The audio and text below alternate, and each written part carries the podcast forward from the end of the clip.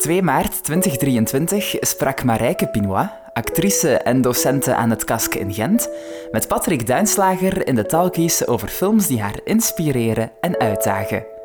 De Talkies zijn een initiatief van Filmfest Gent, Bibliotheek De Krook en Avanza Regio Gent. Goedenavond iedereen, welkom uh, op deze editie van Talkies van Filmfest Gent. Uh, we zijn zeer blij, verheugd om vanavond uh, uh, Marijke Pinois te kunnen voorstellen. U hebt waarschijnlijk allemaal al voorstellingen gezien met Marijke Pinois. Maar vanavond gaan we het eigenlijk hebben over de films die, die voor Marijke een bijzondere plek krijgen in haar, in, in, in haar leven of in haar werk. En vanavond uitzonderlijk, want we hebben een formule dat het vijf films zijn. Maar Marijke kon echt niet ze kon wel kiezen, maar er was altijd één die er toch bij kwam. En uiteindelijk waren het zes films. Maar omdat die films vonden wij zo interessant waren, hebben we meteen het reglement een beetje aangepast. En, uh, ik hoop dat ik er al geen spijt van heb. nee, nee, nee, nee, dat is, uh, zijn we blij dat we nu zes hebben. Uh, maar daarom juist gaan we meteen van wal steken. De eerste film is All the Beauty and the Bloodshed. Ja, het is aan mij. nee, we gaan even naar de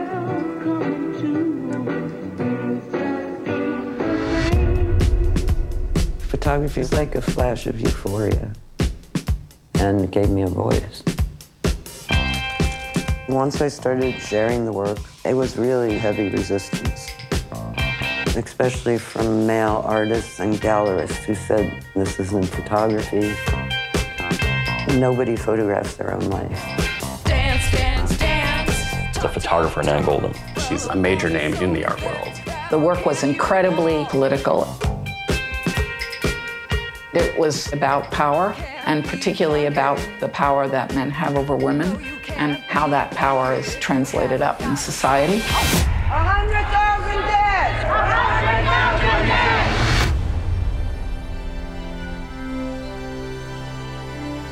There's the Sackler family of the art world, the museum world, and philanthropy. And then there's the big pharma marketing and addiction and death my anger at the Sackler family, it's personal. When you think of the profit of people's pain, you can only be furious.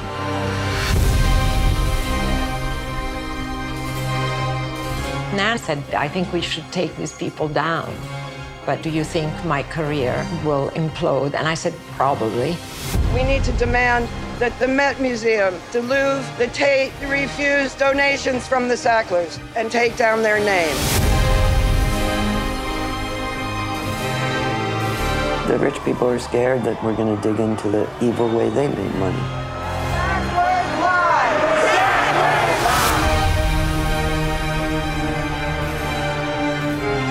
This is a watershed moment.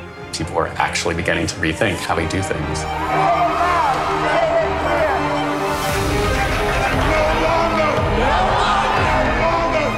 Things are kept secret in this society. And that destroys people.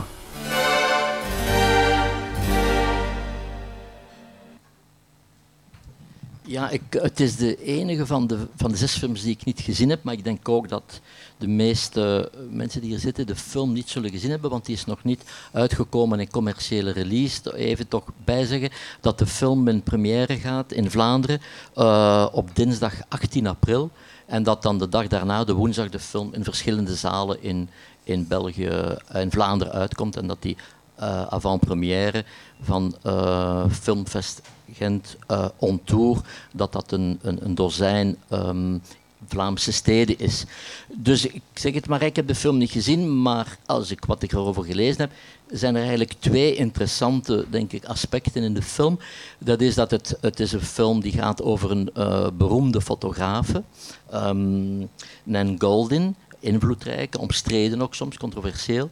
Maar tegelijkertijd gaat het ook over activisme die gericht is tegen uh, uh, een farmaceutische industrie die dus eigenlijk uh, verslavende en levensbedreigende maar legale pijnstillers produceert en die daardoor heel veel, ook veel doden op hun geweten hebben. Het is die, het artistieke en het activisme. En ik wou even vragen of het dat was wat jou uh, zo geboeid heeft in de film.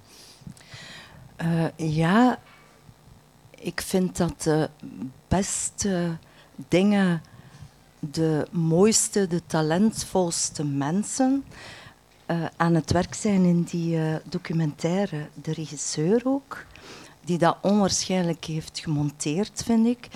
En Nan Golden natuurlijk, die het hoofdpersonage is. Ik vermoed zelfs dat zij ook producent is van die documentaire.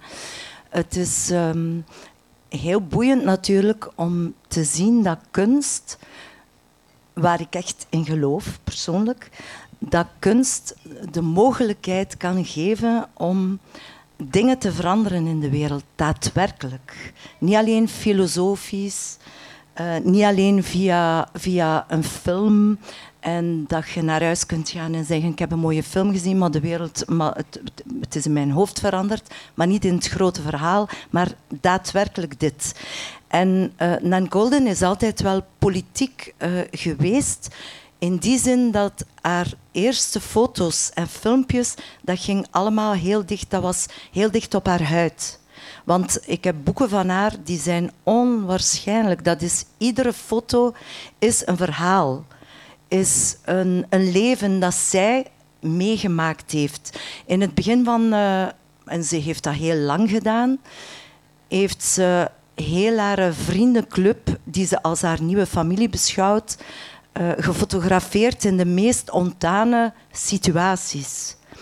Uh, in de meest uh, toxische situaties, seksueel ook, intiem, um, weg van de wereld, activistisch, de queergemeenschap, toen zij jonger was ook de mensen die, die zich verzamelen, die eigenlijk uh, de, een beetje zich uitgestoten voelen door een maatschappij die bepaalt welke normen er moeten, genorm, uh, welke normen er moeten gevolgd worden. Ze heeft in het begin ook, ze, ze woonde ergens in Boston. Um, en ze, ze, ze, kwam uit een goede familie, midclass. En haar ouders uh, waren mensen die, zoals heel veel mensen in een familiegesloten kring, verstoppen wat er daadwerkelijk gebeurt in hun leven. En ze had een zus die zelfmoord heeft gepleegd. En die zus uh, heeft in heel veel psychiatrische instellingen uh, gezeten. En die ouders ontkenden dat dat een zelfmoord was. En ze is daar heel lang naar op zoek geweest, naar die verloren zus. En dat zit in heel erg, uh, heel erg diep in haar werk ook. Die pijn, dat afscheid, de dood ook, de confrontatie met de dood. ze heeft natuurlijk heel veel met de underground, al de mensen in New York te maken gehad.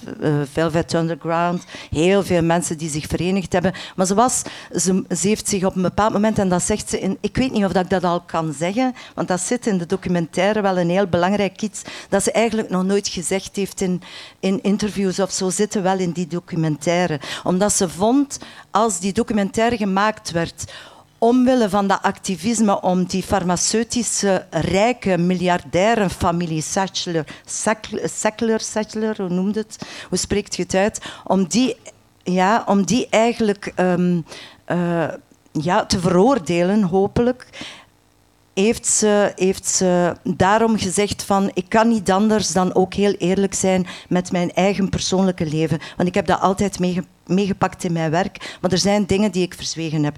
Dus ik ga misschien niet zeggen wat dat, dat juist is. Dat is nu ook niet zo uh, wereldschokkend of zo. Maar ze heeft wel een heel confronterend leven gehad, zowel als artiest als, uh, in, uh, als in haar persoonlijk leven, want dat viel uh, helemaal samen. Ook heel de, de AIDS-periode in de jaren 80, 90, ze heeft mensen zien, zien verdwijnen, ze heeft mensen zien sterven en ze heeft eigenlijk al die intimiteit meegenomen.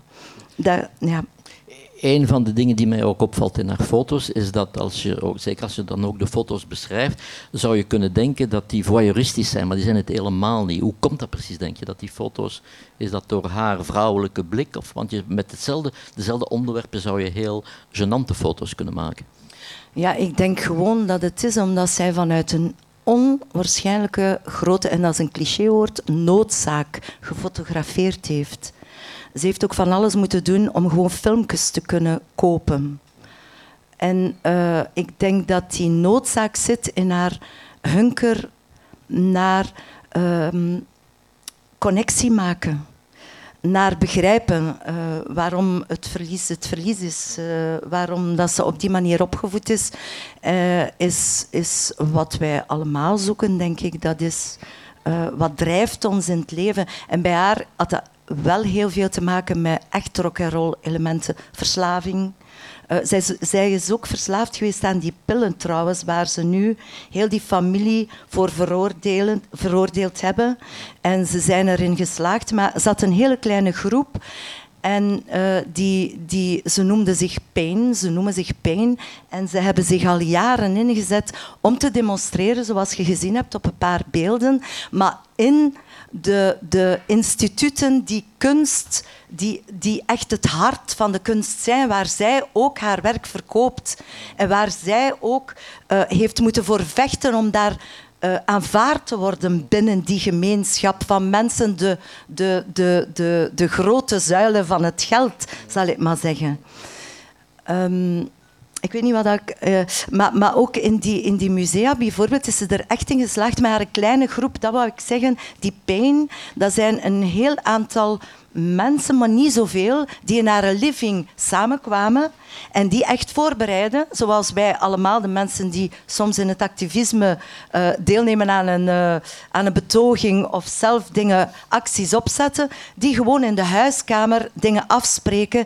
Maar met dit verschil dat zij natuurlijk heel beroemd is al, maar ook controversieel. Dus ze, ze, ze riskeerde heel veel om dit te doen. En ze hebben onafgesproken ook in die musea die acties gaan doen, daadwerkelijk waar in de grote musea in Londen, Parijs, New York, waar de naam van die Sackler-familie heel erg vooraan stond, want die hebben miljoenen geïnvesteerd. Zij noemt dat witwassen van het geld, waar dat ze eigenlijk mensen, allez, een, een, hoe, hoe, noemt dat? Een, ja, dat is een op, op, op theater. Is dat het juiste ja, woord? Ja. Ze, uh, die eigenlijk die spelen die voor een soort mecenas en daarmee proberen ze een, een, een, uh, een imago op te poetsen. Dat is het. Op de. Ja, absoluut.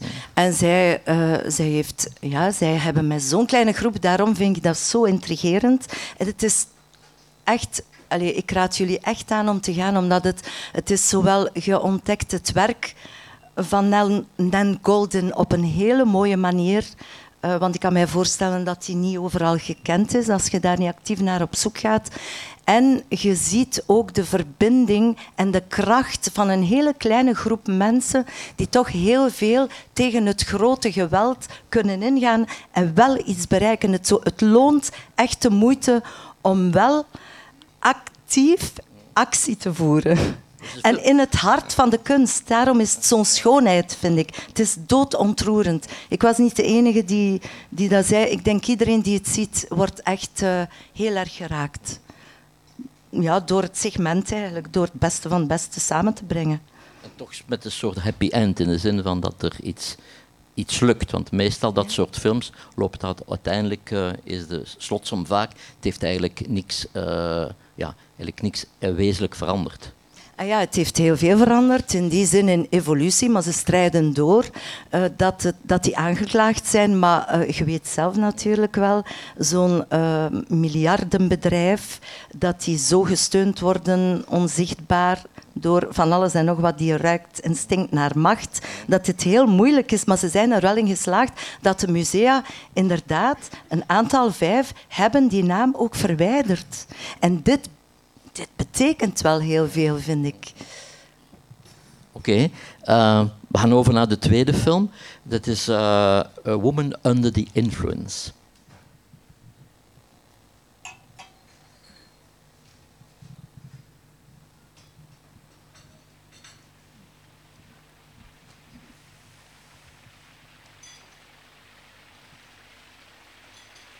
You awake? Yeah. I love you. How are you? You're funny. Haven't I seen you someplace before? That's yours. Don't I know you? You all right? You're disappointed. You're not? Are you disappointed?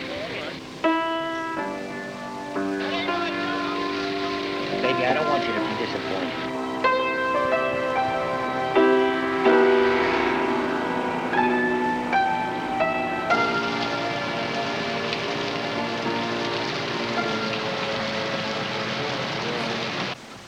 All right, I'll say it. I still think you're a son of a bitch for putting her away. You send her away. You could have picked her up. It is too much.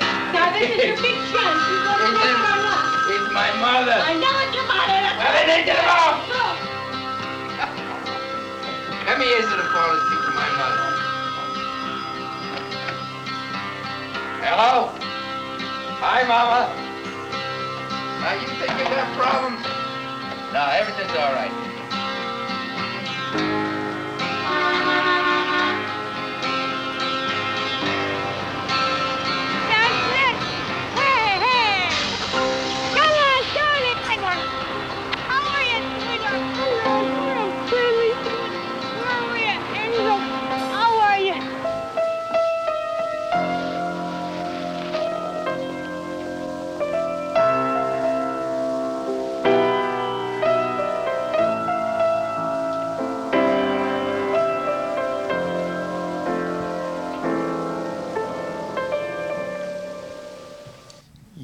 Eh, misschien eerst heel kort iets over John Cassavetes, de regisseur.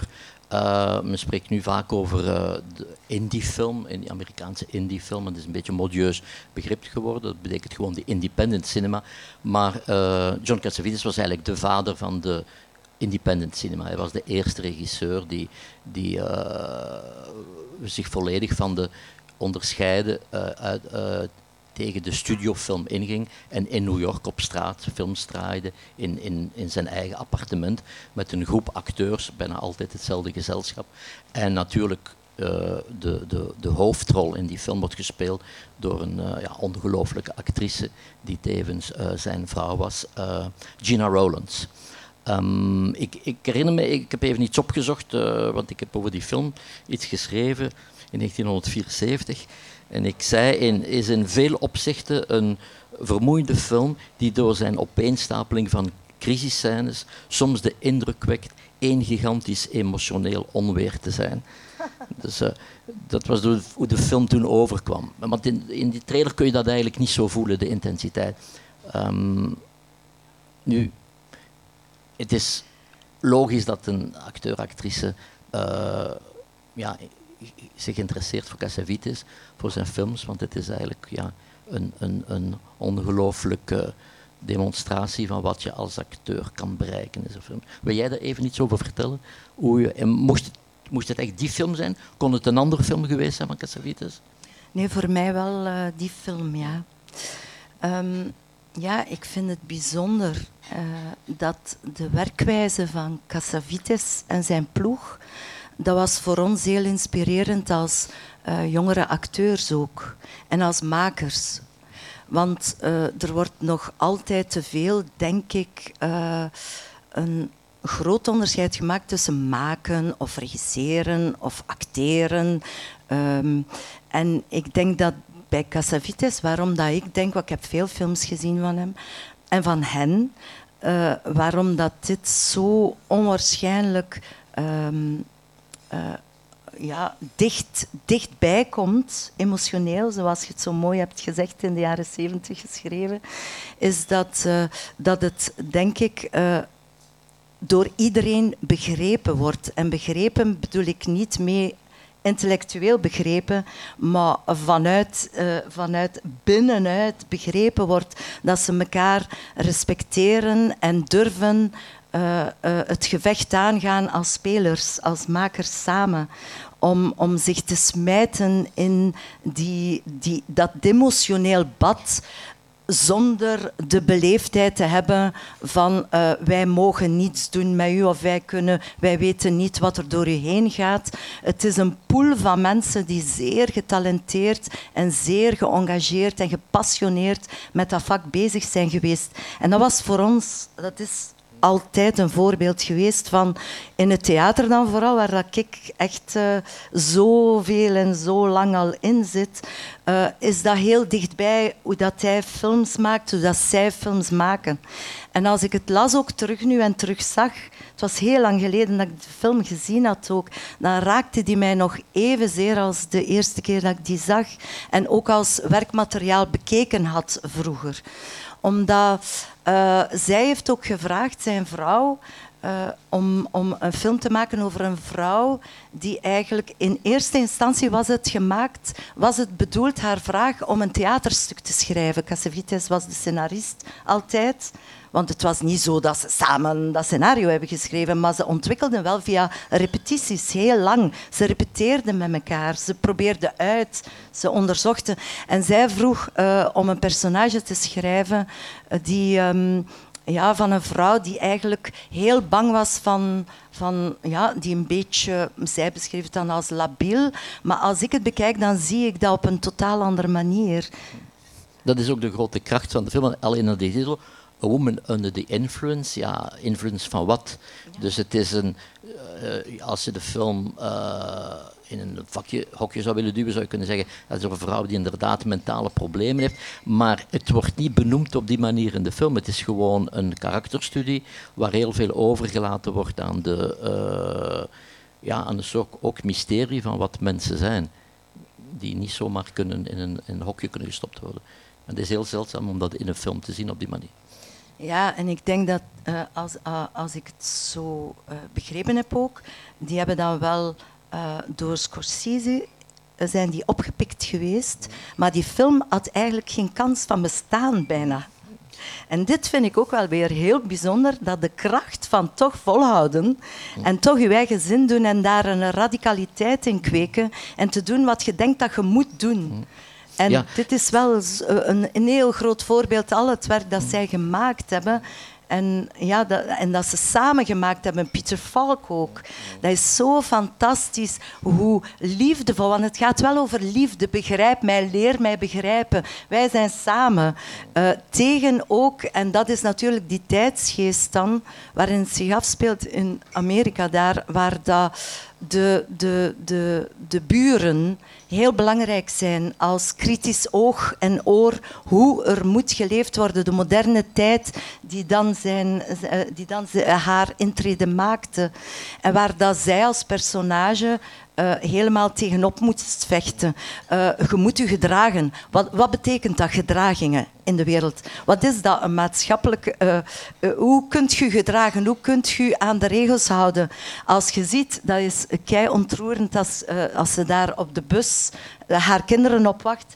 Ze heeft uh, het plots in haar hoofd gekregen om een feestje te organiseren, want ze geraakt weer niet door haar huishouden. En ze mogen zich verkleden en er komt een vader ook met de kinderen. En dat is zo uh, frappant aan die film. Het, het gaat door merg en been, vind ik, omdat je kijkt via haar belevenis. En omdat die actrice dat zo geweldig, onwaarschijnlijk vrij doet. Hoe dat zij... Um, de vrijheid pakt via de dans, via de beweging en niet via de woorden. Want connectie wordt heel erg overschat dat het alleen maar via woorden gaat.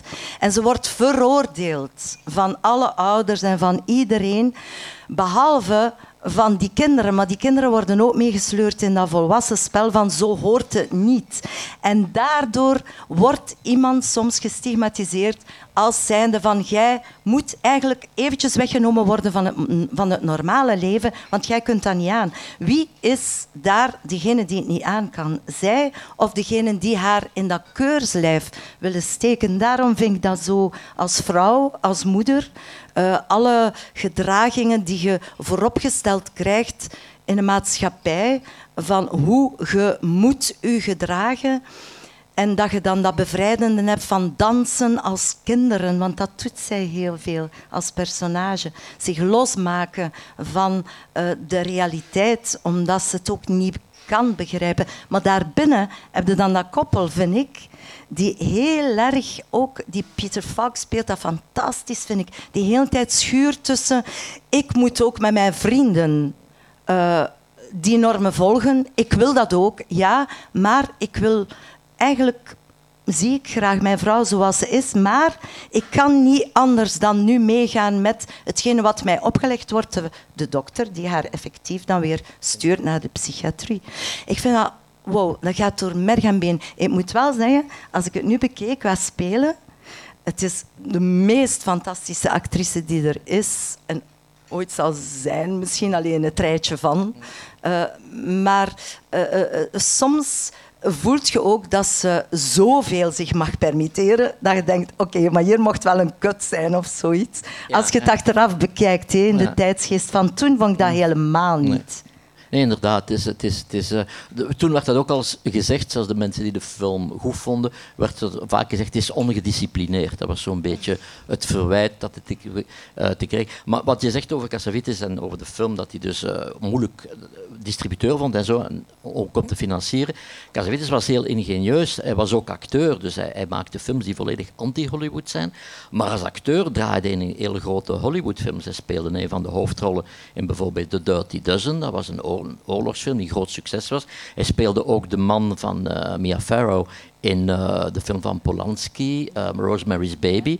En, en, daar kreeg hij serieuze gages voor, salarissen voor. En het was met dat geld dat hij zijn films financierde. Dus ook een heel mooie manier om te zien hoe iemand, als je toch een film wil maken en je hebt ook dat ander talent, dat dat dan ten dienste stelt van wat eigenlijk voor heel belangrijk is. Iets dat ik ook even wat toch met u um, aanraak, is dat er ook een beetje misverstand bestaat over de films. Dat de mensen zeggen dat is allemaal geïmproviseerd. Terwijl die films eigenlijk, zoals gezegd, die werden enorm voorbereid. En alles werd eigenlijk bijna in scenario geschreven.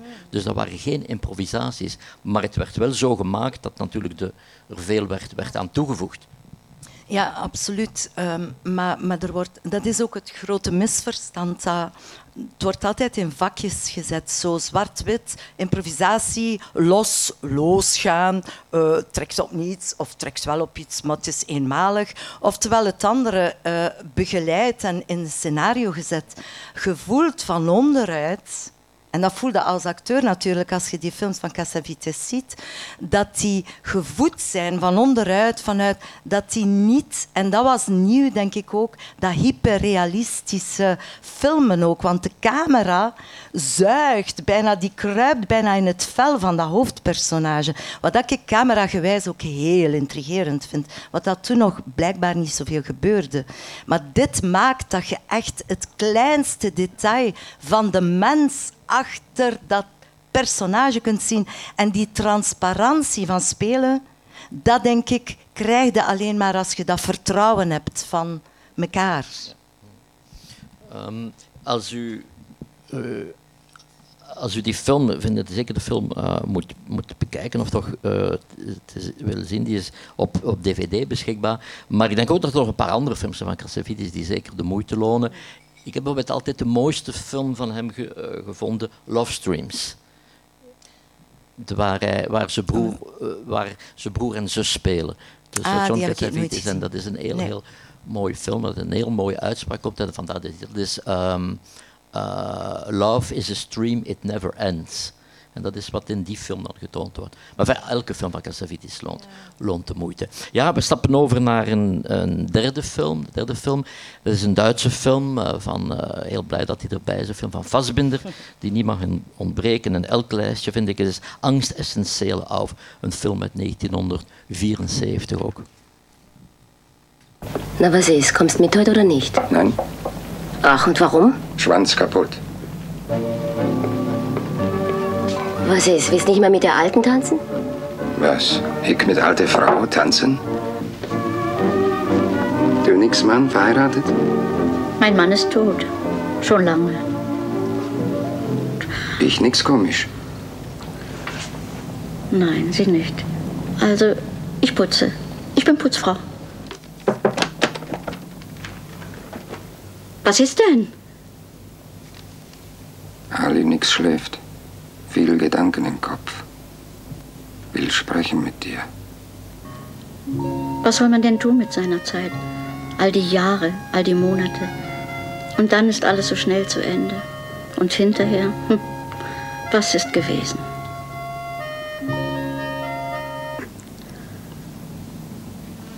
Mein Gott, ich.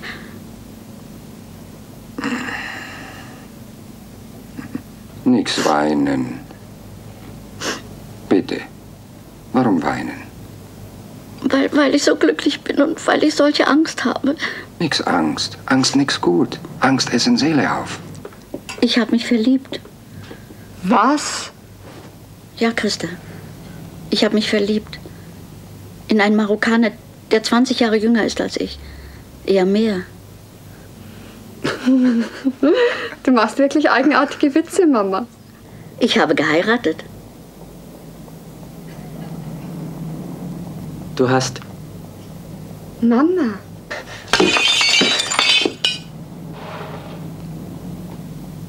Komm doch wieder mal zu mir. So auf Besuch. Vielleicht. Ich mach dir auch Couscous. Wer ist denn das, da, Ali? Ist das deine Großmutter aus Marokko? Was machen die da? Warum weint du? Weil. Weil ich so glücklich bin auf der einen Seite. Und auf der anderen Seite halte ich das alles nicht mehr aus.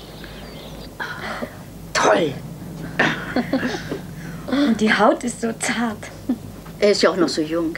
Aber er ist ein guter Kerl. Wirklich. Ein guter Kerl. Was hat er denn jetzt? Tja, manchmal hat er seinen eigenen Kopf.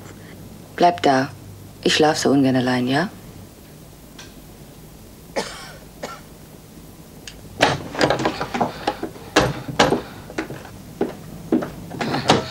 Emmy!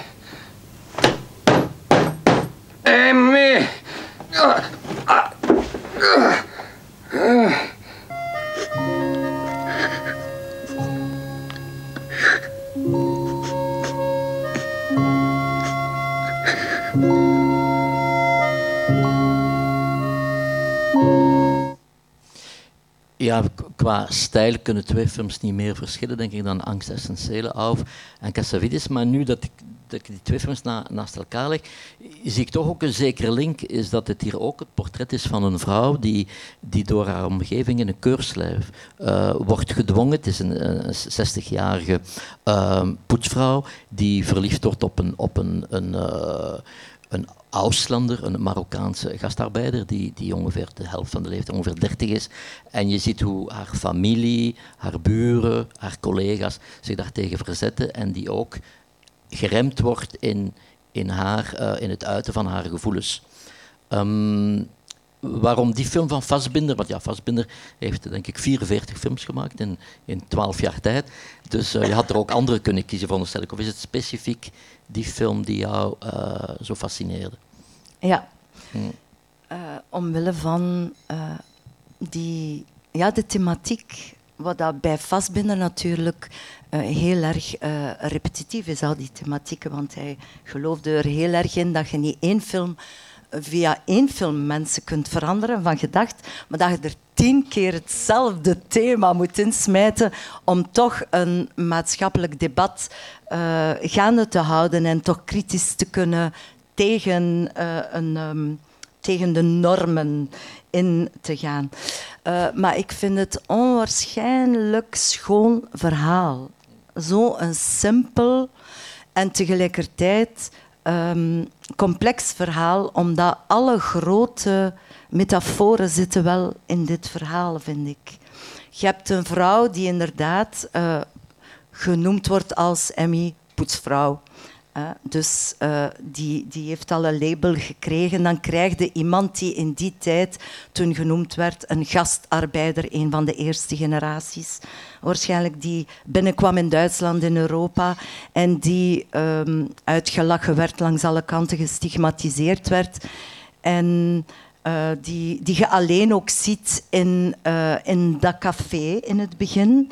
En dan heb je een vrouw die drie kinderen heeft, waarvan één echt extreem rechtsdenkend is, want het speelt zich wel af na de Tweede Wereldoorlog in Duitsland natuurlijk. En iedereen is daar wel door beïnvloed. Maar die twee eenzame zielen, zij die eigenlijk niet meer te zorgen heeft voor kinderen, de kinderen geven er ook niet zo erg om, blijkt wel uit het verhaal. Uh, alleen om iets te krijgen. Dus zij die in een situatie zit die alleen maar kan babbelen met haar uh, collega's op de trappen van het huis waar ze, waar ze poetst. En hij die, die kan kaarten en drinken en zich verloren voelen. En die twee komen samen En ehm, door, door gewoon te dansen met elkaar, het wordt weliswaar gevraagd van de bazin uit, van het café, om, eh, als provocatie. Maar die twee zielen, eenzame mensen, eh, die heel veel liefde te geven hebben, die vinden elkaar. Los van welke context ook. Maar ja, dat heeft natuurlijk heel veel gevolgen, want uh, zij mag niet meer uh, van haar baas daar wonen, omdat ze zogezegd onderverhuurt, omdat hij bij haar komt wonen. En dat het, uh, ja, dat, het, dat het gezien wordt als profitariaat. Dan gaat ze maar voorstellen om te trouwen, wat een mooie gedachte is. Tegelijkertijd wordt ze dan geconfronteerd met haar kinderen, met heel de gemeenschap, wat dat je zei. En uiteindelijk zo radicaal dat ze kozen voor elkaar, in welke hoedanigheid ook, want het gaat niet over dat die een gewoon koppel zijn zoals wij ons dat voorstellen. Zij weten dat beter dan wie ook. Dit is een meerwaarde in een leven samen, samen ontbijten, samen kunnen zijn. Maar dat die dan ook op een bepaald moment, die vrouw, geconfronteerd wordt met de tekortkomingen die ze krijgt. Want ze heeft alleen nog met, hij wordt Ali genoemd. Hij heeft een veel langere naam. En gemakkelijkheidshalve noemen ze die Ali. Dat die dan Emmy en Ali, dat zij eigenlijk daardoor alle connectie met de maatschappij verliest. En dus ook in een eenzaamheid verzeild geraakt. Hij ook. Want hij, wat dat hij eigenlijk met de jonge vrouwen van de baar wel aan zijn trekken kon komen als jonge viriele man. Dit is ook gedaan, want die zit ook in een positie die niet echt comfortabel is. Dus uh, ik vind die, dat simpele verhaal en dat ze op het einde toch elkaar terugvinden. Uh, dit is uh, van een schoonheid en van een metafoor al die personages zijn zo metaforisch, vind ik. Dat zijn grote personages. En wat je zegt, het is misschien verschillend. Het kan geen groot verschil zijn in de hyperrealiteit uh, van Cassavetes films en zijn, uh, zijn compagnie. Maar ook Vastbinder, hoe raar dat hij ook was, want ik heb zo'n biografie ooit gelezen van hem. Die Vastbinder, die had ook een groep theater, want daar is ontstaan, Action Theater uh, of uh, antitheater. Dus die heeft daar, Anna Shigula, al die pers personen die zo meegegaan zijn met hem, zij hebben ook dat onderzoek gedaan naar een kritisch denken, maatschappelijk denken. En dit ja, dus daar heeft het ook wel weer gelijkenissen in die koppigheid, die radicaliteit. Maar tegelijkertijd vind ik dit van een schoonheid ja, um, die ik uh, zelden al in een film heb gezien eigenlijk. En en toch zo een heel maatschappelijk debat en een tijdsgeest weergeeft waar we nog altijd mee te kampen hebben. Maar met zo'n mooie poëtische zinnen. Angst, Essen, Zelen, Aus. Auf, want Essen is eigenlijk blijkbaar geen echt goed Duits. Dat moest ist zijn, omdat hij dat zo uitspreekt. Maar ik vind dat... Allez, ik, uh, uh, dat, dat je kunt het even goed stigmatiseren bedoelen, maar het is, het is zo poëtisch, vind ik. Die twee mensen die zo naar de kern van het mens zijn gaan. Wauw. En de rest is koor. Daar rond. Of met zijn vast ensemble, altijd dezelfde ja. acteurs. Die op tijd. Ik wou je toch iets vragen als, um, um, als actrice en ook als toneelactrice. Um, bij Vastbinnen heb je iets dat zeer dubbelzinnig is. Uh, ik vind dat hij een soort theatraliteit heeft, maar het is een theatraliteit die zeer filmisch wordt. Dus een, een soort uh, paradox. Want het is, het, is, het is een verschil tussen, denk ik, theatraliteit en toneelmatig. Het is theatraal in de opstelling, in het, in het gebruik van personages op en af gaan. Is dat ook iets dat je zeer interesseert, in, in, hoe in een film ook met die elementen gespeeld worden? Ah ja, tuurlijk. Daar raakt aan elkaar zeer uh, heel extreem. Wij hebben in de tijd in Zuidpooltheater uh, Katzelmacher gemaakt op toneel ook. Dat was zijn tweede film. Uh, ja. Hm. ja, en um, ja, wij hebben dan natuurlijk heel veel films gezien van hem en zo. Maar uh, het is zo mooi dat theater eigenlijk meer en meer geëvolueerd is naar het filmische. En dat film in eerste instantie door zo'n radicale uh, filmmakers eigenlijk ontstaan is vanuit theater. Daarom intrigeert mij dat natuurlijk uitermate. Want um, het ene beïnvloedt heel positief het andere. Als je ziet hoe dat er um, de groepen, hoe dat die, die opstelt ook, dat is, uh, dat is weg van de realiteit. Het is uh, bigger than life. Heel gestileerd. Hè? Het is bijna, Heel. Bijna soms in sommige zin heb je bijna pietas, als, uh, Ja. als, als een man of vrouw in de Ja. armen ligt van de, van de partner. Ehm, En dan moet, het ook niet, dan moet het ook niet gaan uitleggen via allemaal kleine woordjes en situationele dingen. Je ziet een groep mensen kijken naar twee mensen. En gewoon het kijken, het is bijna zoals je ja, vroeger eh, eh, in de middeleeuwen ook die schilderijen had. Eh, je kunt er je van alles bij voorstellen, maar het wordt niet uitgelegd. Maar door het beeld zo strak te maken en te stileren, krijg je sowieso een uitgepuurde vorm van, van, van spelen. Toch even de naam vermelden van die actrice Brigitte Mira, die dus ook, eh, misschien niet in dezelfde mate als Gina Rowlands, maar het was toch een actrice die in veel van zijn films speelde, die altijd eh, eh, een zeer huiselijke rol speelde tegenover Anna Shigula en andere actrices die divas waren. En het is ook meester, denk ik, hoe hij een actrice die toen in zeer, denk ik, clichématige eh, Duitse televisieserie speelde. En zo. Was helemaal geen actrice van arthouse cinema. Dat hij die dan op zo'n manier, dus zeg, gebruikt in zijn, in zijn universum. Ja, maar het is zo mooi dat deze verbindenissen er zijn, want we, we, we- ik vind dat we daar veel te weinig ehm, eh, moedig in zijn om die twee te verbinden met elkaar, want hij gebruikt die niet, zij gebruikt hem ook. Want zij, allee, er is allee, voor mij persoonlijk geen sprake van gebruiken, ehm, omdat zij heel stevig ja, het is door haar en door, door, eh, door dat koppel dat je, dat, je zoveel, dat je zo kunt meegaan in dat verhaal. En zij heeft daar een prijs voor gekregen trouwens ook. Hè. Niet dat dat nu te, zo ter zake doet, maar bon, ze speelt dat zo onwaarschijnlijk fantastisch mooi ook, vind ik.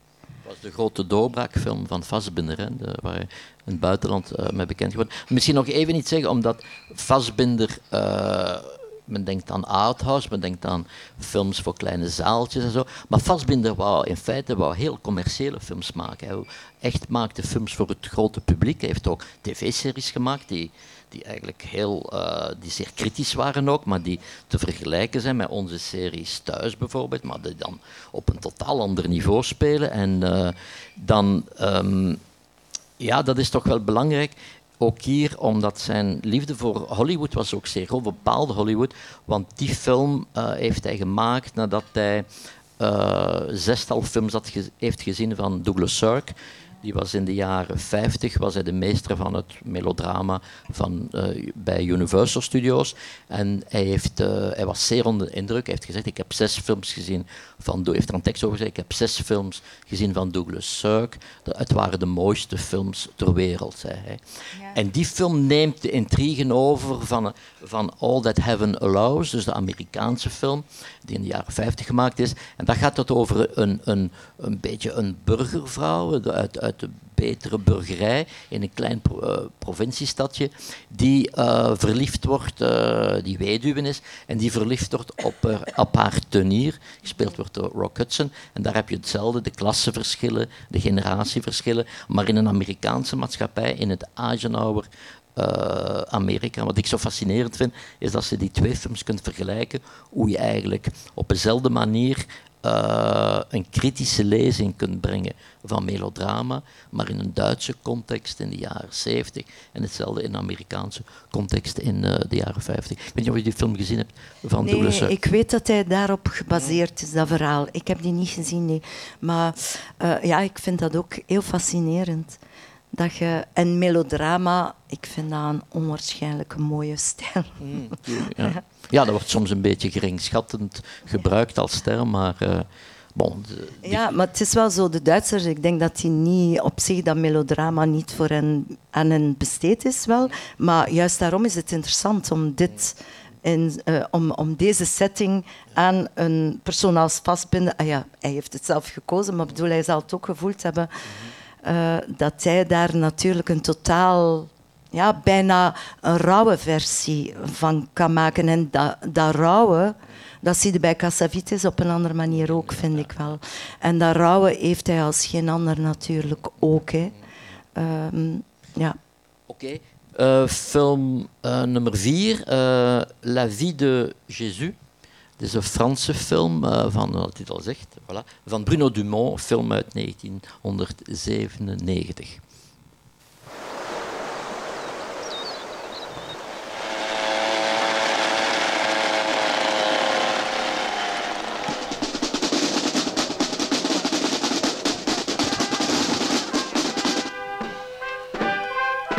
C'est quand tu vas trouver du travail pas avec ça. Il va pas venir tout seul, hein, il faut le chercher. Hein. Pourquoi la vie de Jésus? Bah Ça, c'est c'est beaucoup me demander. Mais je pense pas que. Je pense pas que ça a trop quelque chose à voir avec, euh, avec le film, moi, déjà. Ça va pas là, dégage Nique ta mère, sale Mico. Bah, ça s'appelle la vie de Jésus parce que. Il y a du bien, il y a du mal. Bah, la vie de Jésus, alors là. Je sais pas, c'est- dans le film, il y a quand même beaucoup de violence et tout. Moi, je sais pas, la vie de Jésus, je comprends pas de tête, alors. euh, quand même pas te faire chourer ta meuf par un bico, sérieux. Ferme ta gueule. Allez, je déconne.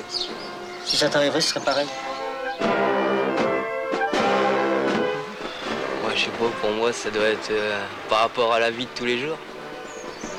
Vie de tous les jours, ce qui s'est passé.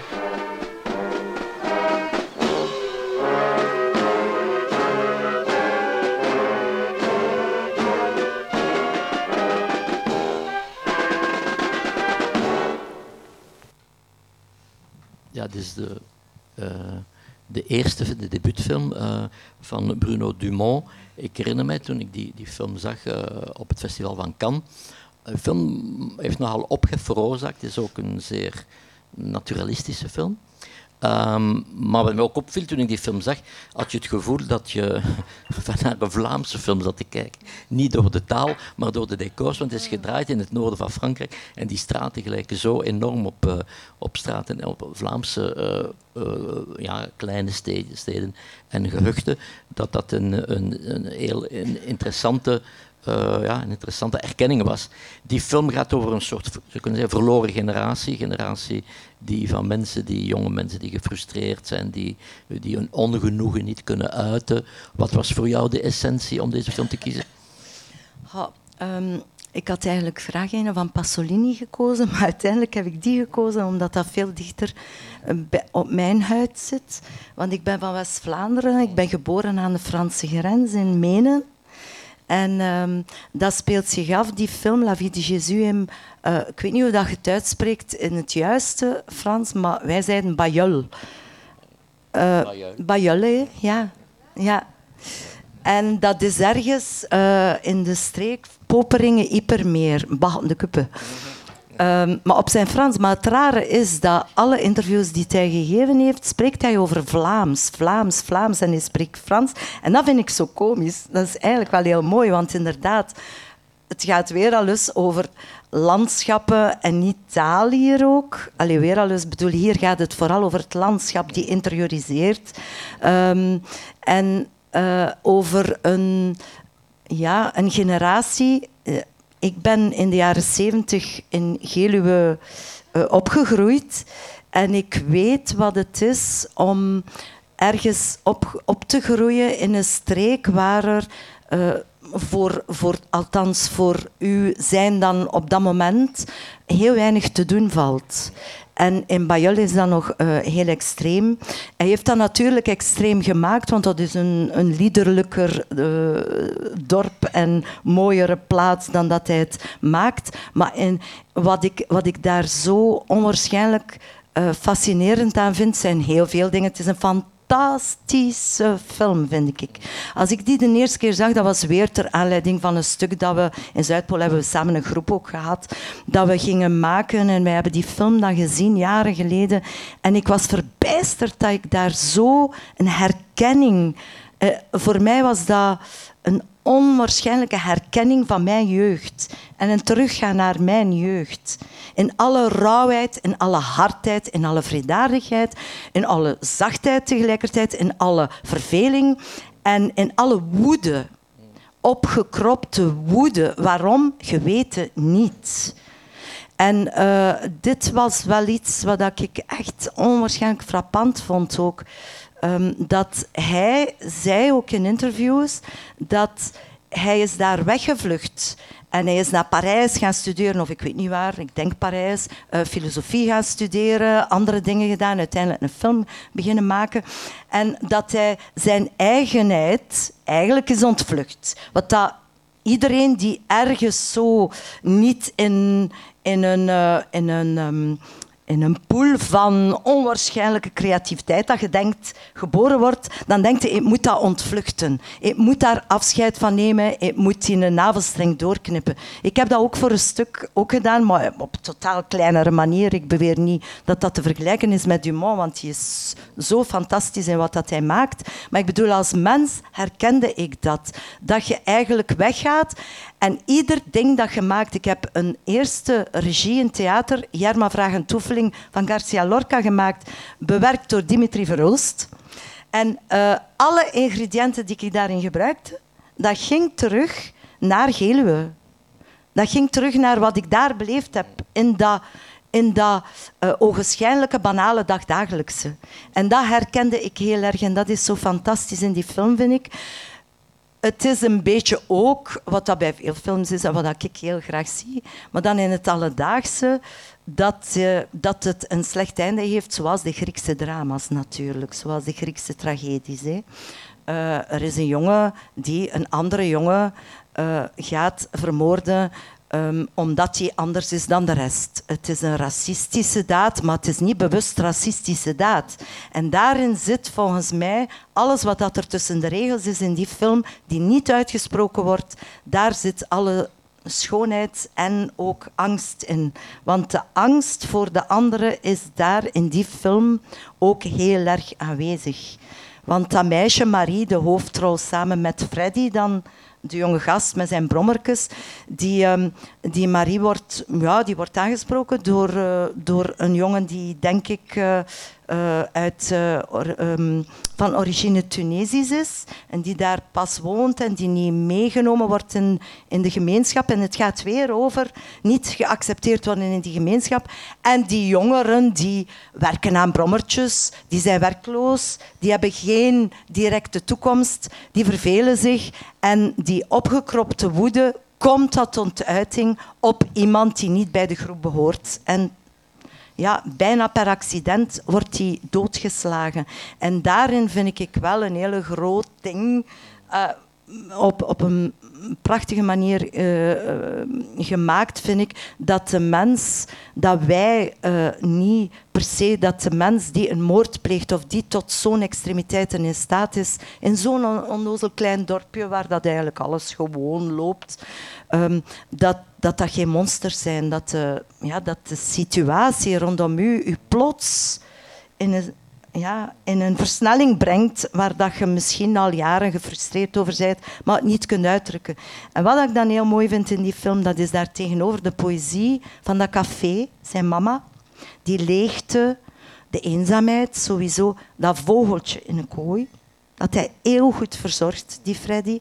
En dan, wat ik heel erg herken van vroeger, degene uh, in mijn dorp waren er ook de duiven, de duiven hoe noemen ze de duivenkwekers? Melkers. De duivenmelkers, ja. Want ik was een kattenfan, dus uh, mijn buren die gaven dan vergif uh, aan, de, aan de katten omdat die de duiven pakten. Maar op een bepaald moment is er daar zo'n scène in dat zij daar allemaal met die stokken en dat is pure nostalgie.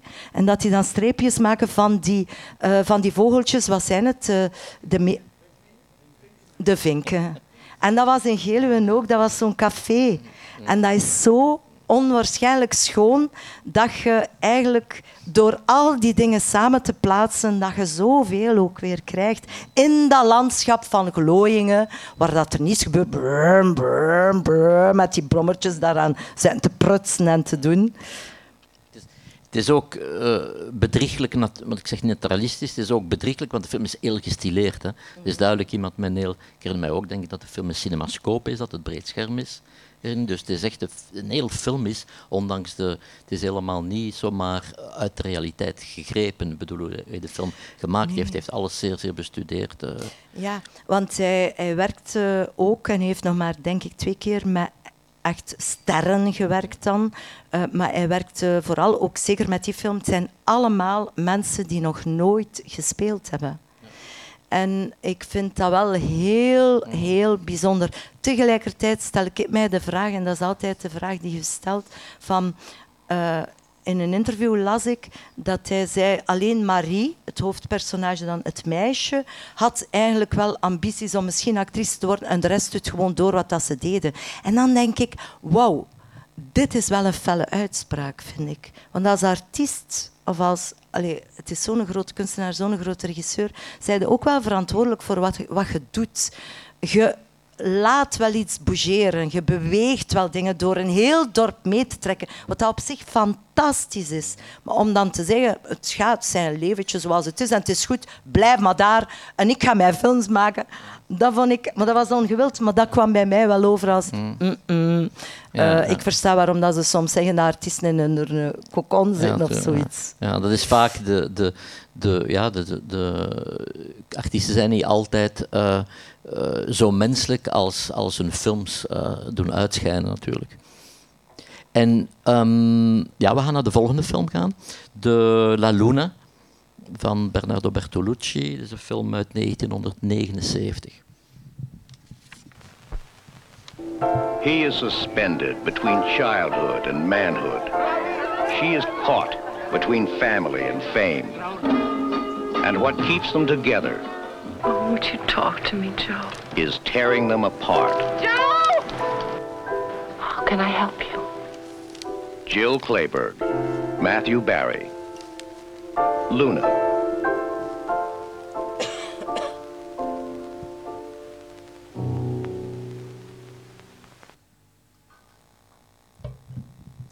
Ik ben heel blij dat je die film gekozen hebt, Marijke. Eh, ik ben een grote fan van Bertolucci.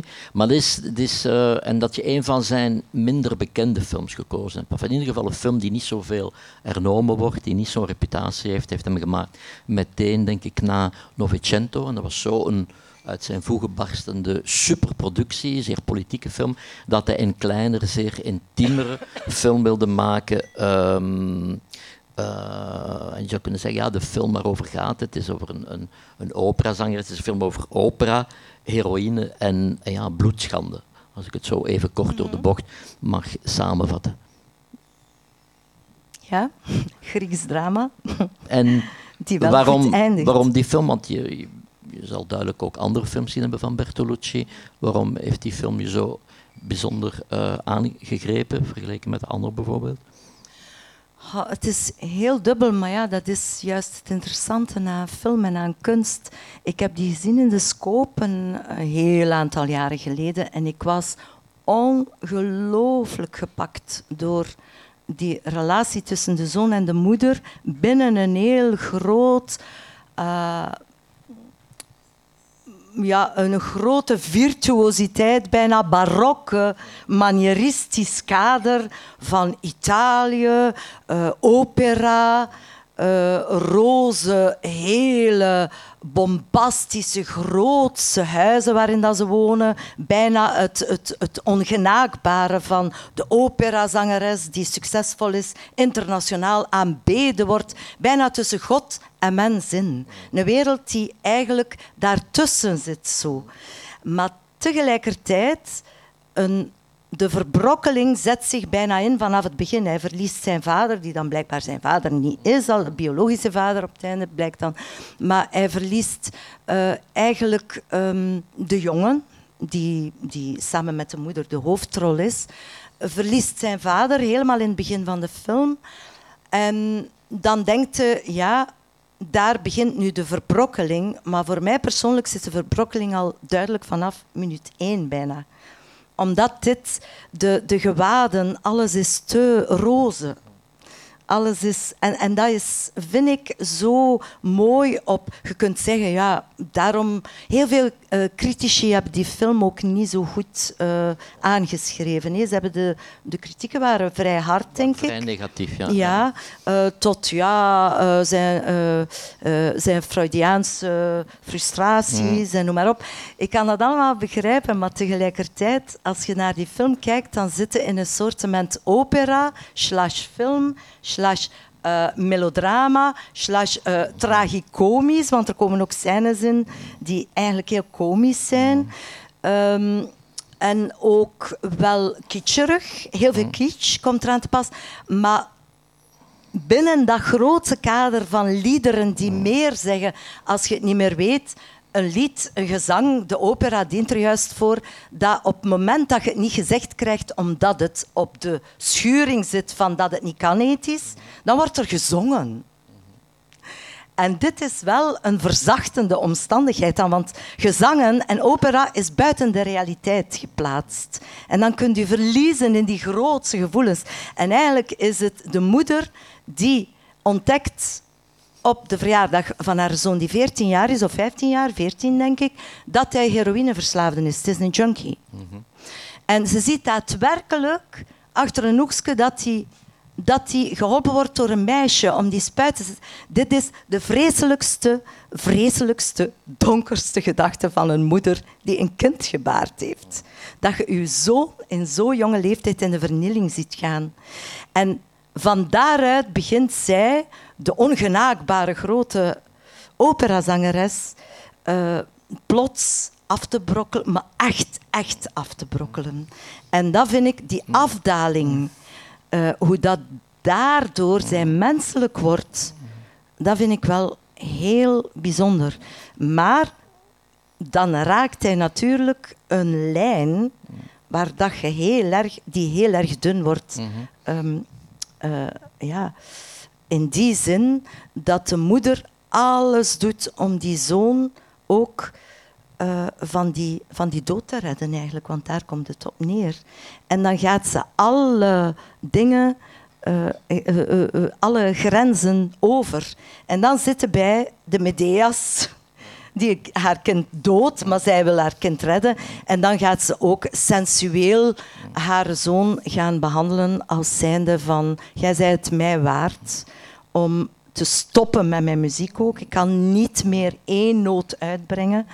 En dan gaat het die afdaling krijgen die eigenlijk wel verschrikkelijk is, Ja, want vind ik. op zeker moment, omdat ze ook met die zoon echt contact zoekt, en ze zoekt alle mogelijke manieren, en dan is er die verschrikkelijke scène waar die manier van contact zoeken met hem, is dat ze op zeker moment zelf ook hem helpt om te spuiten met die naald.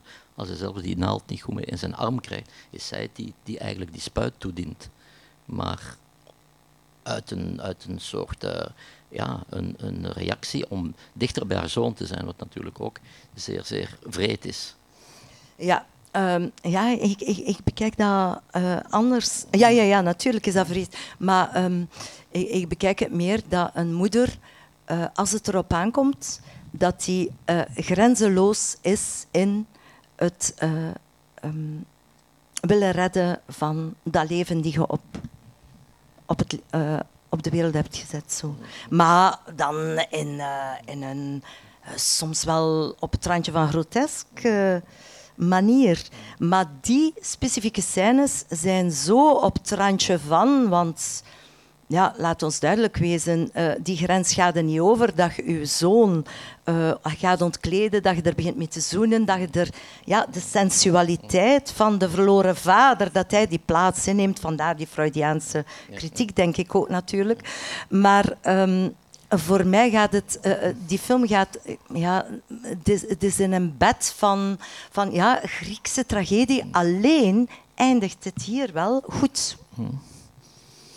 Want hij, op het einde zit ze toch wel weer te zingen en komen ze dichter bij elkaar. En denk ik, wat nu? Als moeder van, mm, mm, mm, dat zal nog altijd toxisch blijven en misschien Volgens, Bert- dat niet. volgens Bertolucci zijn ze op het einde alle drie meer dan ooit van elka- uit elkaar. Oh, meen je dat? Ik ervaar dat Ja, totaal dat- het omgekeerde. Ja, wel, dat is wat hij als heeft willen tonen. Oké, maar Dus- kijk, Nee, nee, ik wil dit niet zien. Natuurlijk, er zijn eh, veel interessante films zijn voor verschillende interpretaties Ja, vatbaar. Dat wist ik niet, dat vind ik zo goed. Wat ook interessant is, is omdat je zegt dat Freudiaanse, hij was in, in psychanalyse toen hij die film gemaakt heeft. En eh, hij zei ook dat de beste ideeën voor films komen door mijn gesprekken met mijn psychiater. En wat ook interessant is, vind ik, dat is Bertolucci, als je dat ook beschrijft, als je dat ook beschrijft, dat klopt, zou je denken dat dat allemaal goed voorbereid is, dat is allemaal gestroomlijnd, dat is allemaal zeer, zeer geschreven.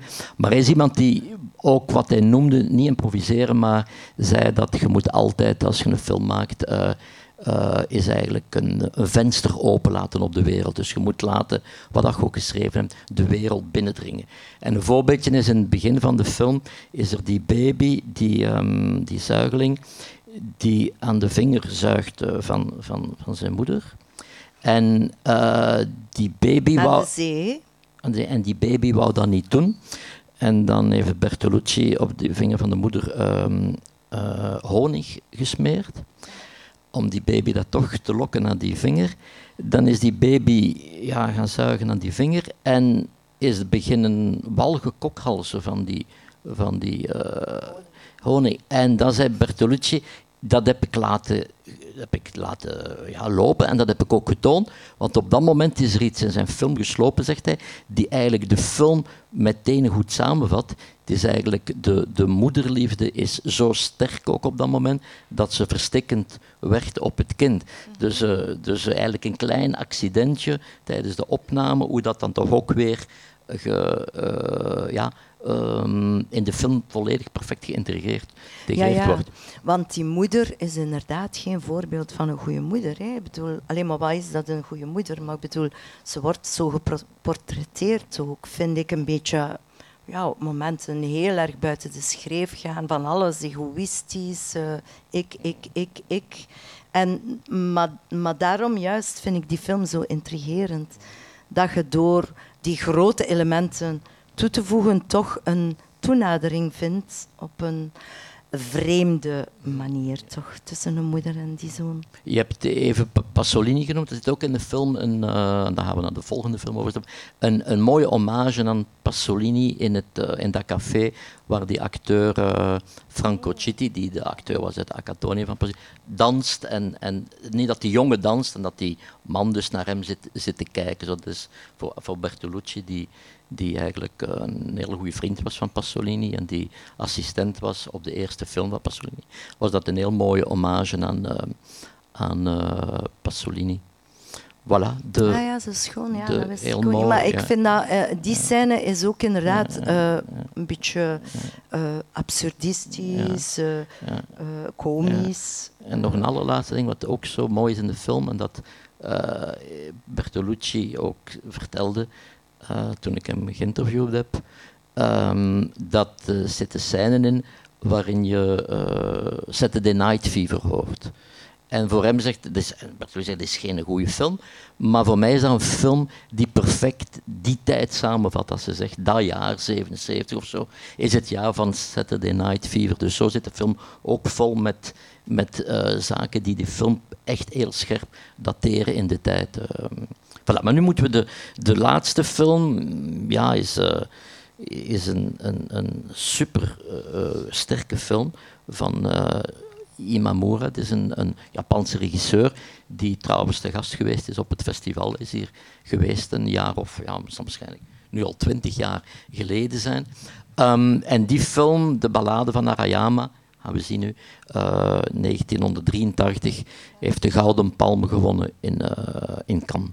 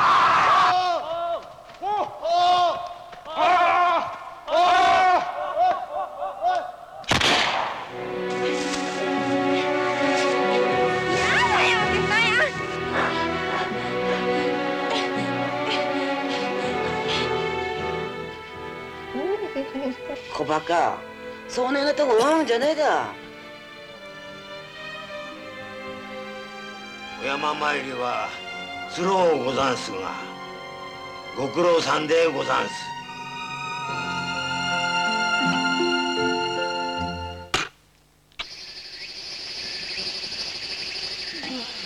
うん。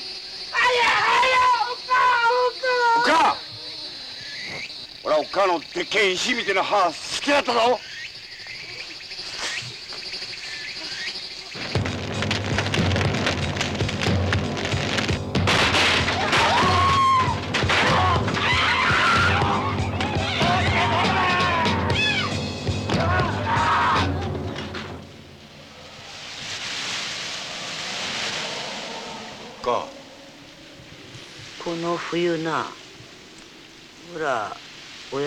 山行くだよ。あと25年すりゃおらも行くだ。今朝基地にしょわれて。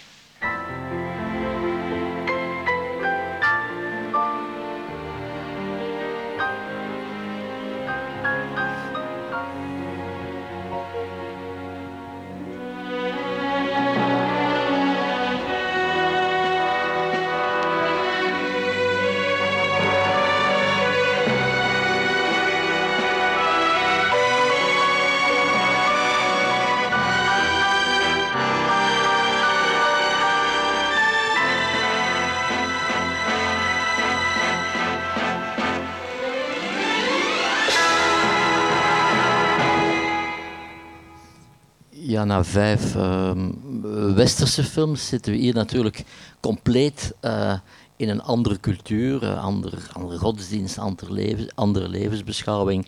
Eh, ja, een van de thema's is natuurlijk de, de, de situatie in de film dat op, in een klein arm dorpje dat de personen die te, oud zijn om nog actief aan de samenleving deel te nemen, om nog eigenlijk de maatschappij ten dienste te staan, dat die dan uit eigen beweging de berg naar Ayama optrekken, ze eigenlijk op, op de dood wachten eens ze op die berg zitten. Ehm, ja, dat is een vreselijk verhaal. Uh, maar toch wordt dat door die regisseur op een ongelooflijk geloofwaardige, uh, humane manier verteld. Ja, uh, ze, ze moeten wachten en het beste is als ze op de berg dat het sneeuwt. Dat is het ultieme. En hun tanden uh, moeten, hun tanden moeten al uit zijn. Is minder eten. Dat is dan minder eten. Uh, minder eten ook. En omdat dat volgens de, de ballade, dat, dat dit het moment is dat je eigenlijk je oudste zoon moet vragen om u te, uh, om, om, om, om u te brengen naar de berg. Ja, op, uh, gedragen. Mm -hmm. En je moogt ook niet omkijken, want het is een beetje Orpheusachtig zo. Hè? Mm -hmm. Of bijbels, ja. Mm, ja, ik vond uh, in de jaren tachtig heb ik die inderdaad hier gezien in Gent. Um, in de cinema. En dat was dankzij Kayoko Mori, waar ik een groep mee had toen. Ik was nog niet zo lang afgestudeerd van het conservatorium. En wij hadden een groep Pantarij. En wij maakten zelf stukken uh, met de Japanse, Kayoko Mori, met een Spanjaard, met een Belg en ik. En wij waren heel ritueel, omdat uh, Kayoko Mori zelf zoveel... Uh, ja, ik, ik heb dat via Kayoko, ik heb er vijf jaar ook mee samengewoond. En niet alleen samen mee gewerkt, maar ook samengewoond. Die, die had honderdduizenden onwaarschijnlijke mooie verhalen die ze van generatie op generatie doorvertellen. En zij raadde mij aan dat ik zeker die film moest gaan zien. En uh, ik vond dat ongelooflijk, omdat het is een hele harde, uh, bijna uh, ja, hele primitieve vertelling is, is heel ritueel ook in alles, want die zijn afgesloten van de wereld. En die wonen daar in een kleine gemeenschap. Die hebben eigenlijk geen rechter, geen advocaten, geen, uh, geen andere mensen die over hen oordelen wat goed of kwaad is. En, dat, en de natuur, zij, zij, zij moeten leven met de natuur. Wat dat wij nu in grote problemen zitten, zit in die ballade, in die film net omgekeerd. Zij leven, kunnen niet anders dan leven tussen, midden in de natuur. En uh, het is niet voor niets dat hij ook heel veel van die eh, slangen, ik weet niet wel. En eh, vlinders die, eh, die paren en En insecten ook. Soms heb je beelden gewoon eh, bijna als een soort documentaire Ja. film dat je ziet. Dat Ja. een wetenschappelijke film, dat je plotseling de insecten. Ja. ja, dat is heel mooi. die verbondenheid met de natuur is natuurlijk eh, een van de hoofdthema's van de, van de film. Ja, en ook het niet anders kunnen dan verbonden zijn. En daaraan overgeleverd moeten zijn. En dan krijg je natuurlijk de mens met zijn dunne pelletje beschaving, die eigenlijk, allee, als wij zouden ons heel dunne pelletje beschaving afleggen, dan zitten we onmiddellijk daar van er heeft iemand mijn aardappelen gestolen, dus de gemeenschap bepaalt, oké, die familie moet gewoon onder de aarde levend begraven worden. Dit is vreselijk gruwelijk als beeld, maar als metafoor. eh, Ik bedoel, die film is een en al metafoor. En die vrouw, die oudste vrouw, waar, die de hoofdrol dan speelt eigenlijk, die naar de berg, dat is gespeeld door een hele jonge actrice. Hè? Want Kayoko Mori zei mij toen dat zij die kende, dat was een hele bekende actrice in Japan. En die heeft die hele oude vrouw gespeeld. Dat was fantastisch gespeeld ook, vind ik. Maar je krijgt daar ook weer heel veel archetypes in die film. En dat vind ik zo mooi. Je hebt degene die de broer van... eh, dus eh, ze heeft twee zonen en die ene zoon zorgt, de oudste zoon, die haar zal dragen naar de berg waar dat ze zal moeten sterven, waar dat ze wil sterven.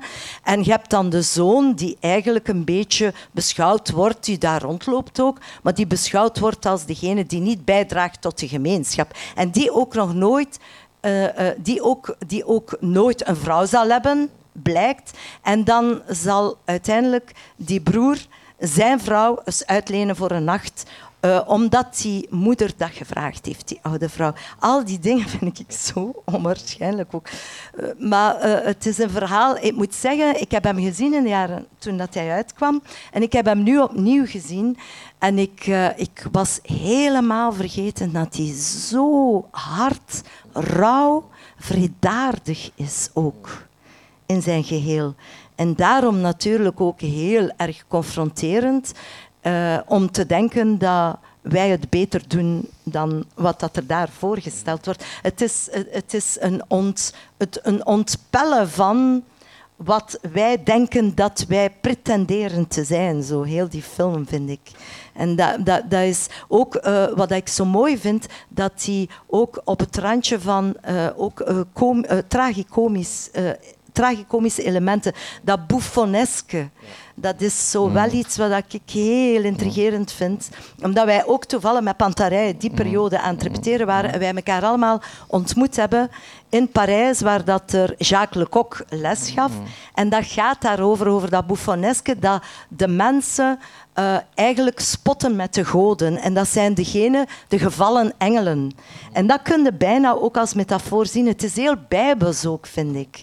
Eh, dat, ja, het is bijna apocalyptisch. Hè? Ja, de, de, de, de, de ark van Noah zou het ook wel kunnen zijn. Hè? Dat zijn nog de enigen die overschieten. En ze moeten trachten te overleven met elkaar. Maar daarbinnen zijn wel nog wetten en, eh, en regels. Ik vind het ook van een hele grote poëzie.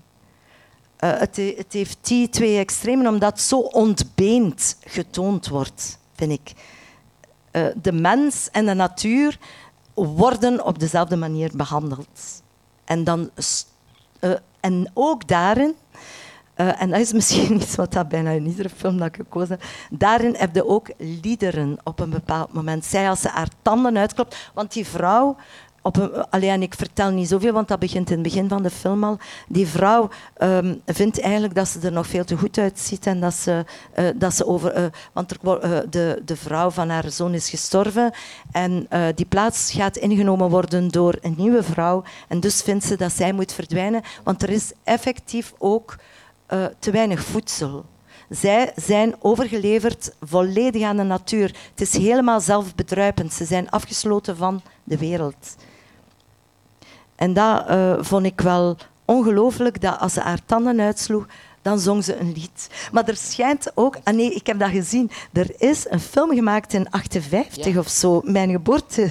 Ja, en die is, omdat je dus zegt Ja. dat het zo'n beetje komisch is, En die film was eigenlijk volledig in uh, kabuki-stijl gespeeld. En is gedraaid in, uh, in decors. Dus in die film zie je nooit een echte natuur. Het is volledig een decor. Dus in die kabuki-stijl zat daar natuurlijk veel sterker in, omdat de film niet naturalistisch was. En hij heeft uh, Imamura, die altijd in zijn films uh, eigenlijk het, hij is altijd dat hij in de mens geïnteresseerd was in de, de, de, onderste, zeg dat, de, de onderste helft van de mens was hij geïnteresseerd en in de, ook de, de, de laagste regionen van de maatschappij. Dus die, en dat vat wel goed samen ook wat, wat je in die film ziet. Wat ik denk dat we hier enfin, moeten eindigen. Um, het was een heel boeiend gesprek. En ik denk dat het, hoop ook, maar ik denk het wel, dat het inspirerend heeft gewerkt voor mensen die in de, eventueel in de bibliotheek ook die films kunnen opzoeken en die films ook bekijken en er nog van nagenieten. Dus ik bedank uiteraard nogmaals Marijke voor deze, denk ik, zeer gepassioneerde uiteenzetting. U allemaal bedankt en hopelijk zien we elkaar terug voor de volgende editie. En dat is... Uh,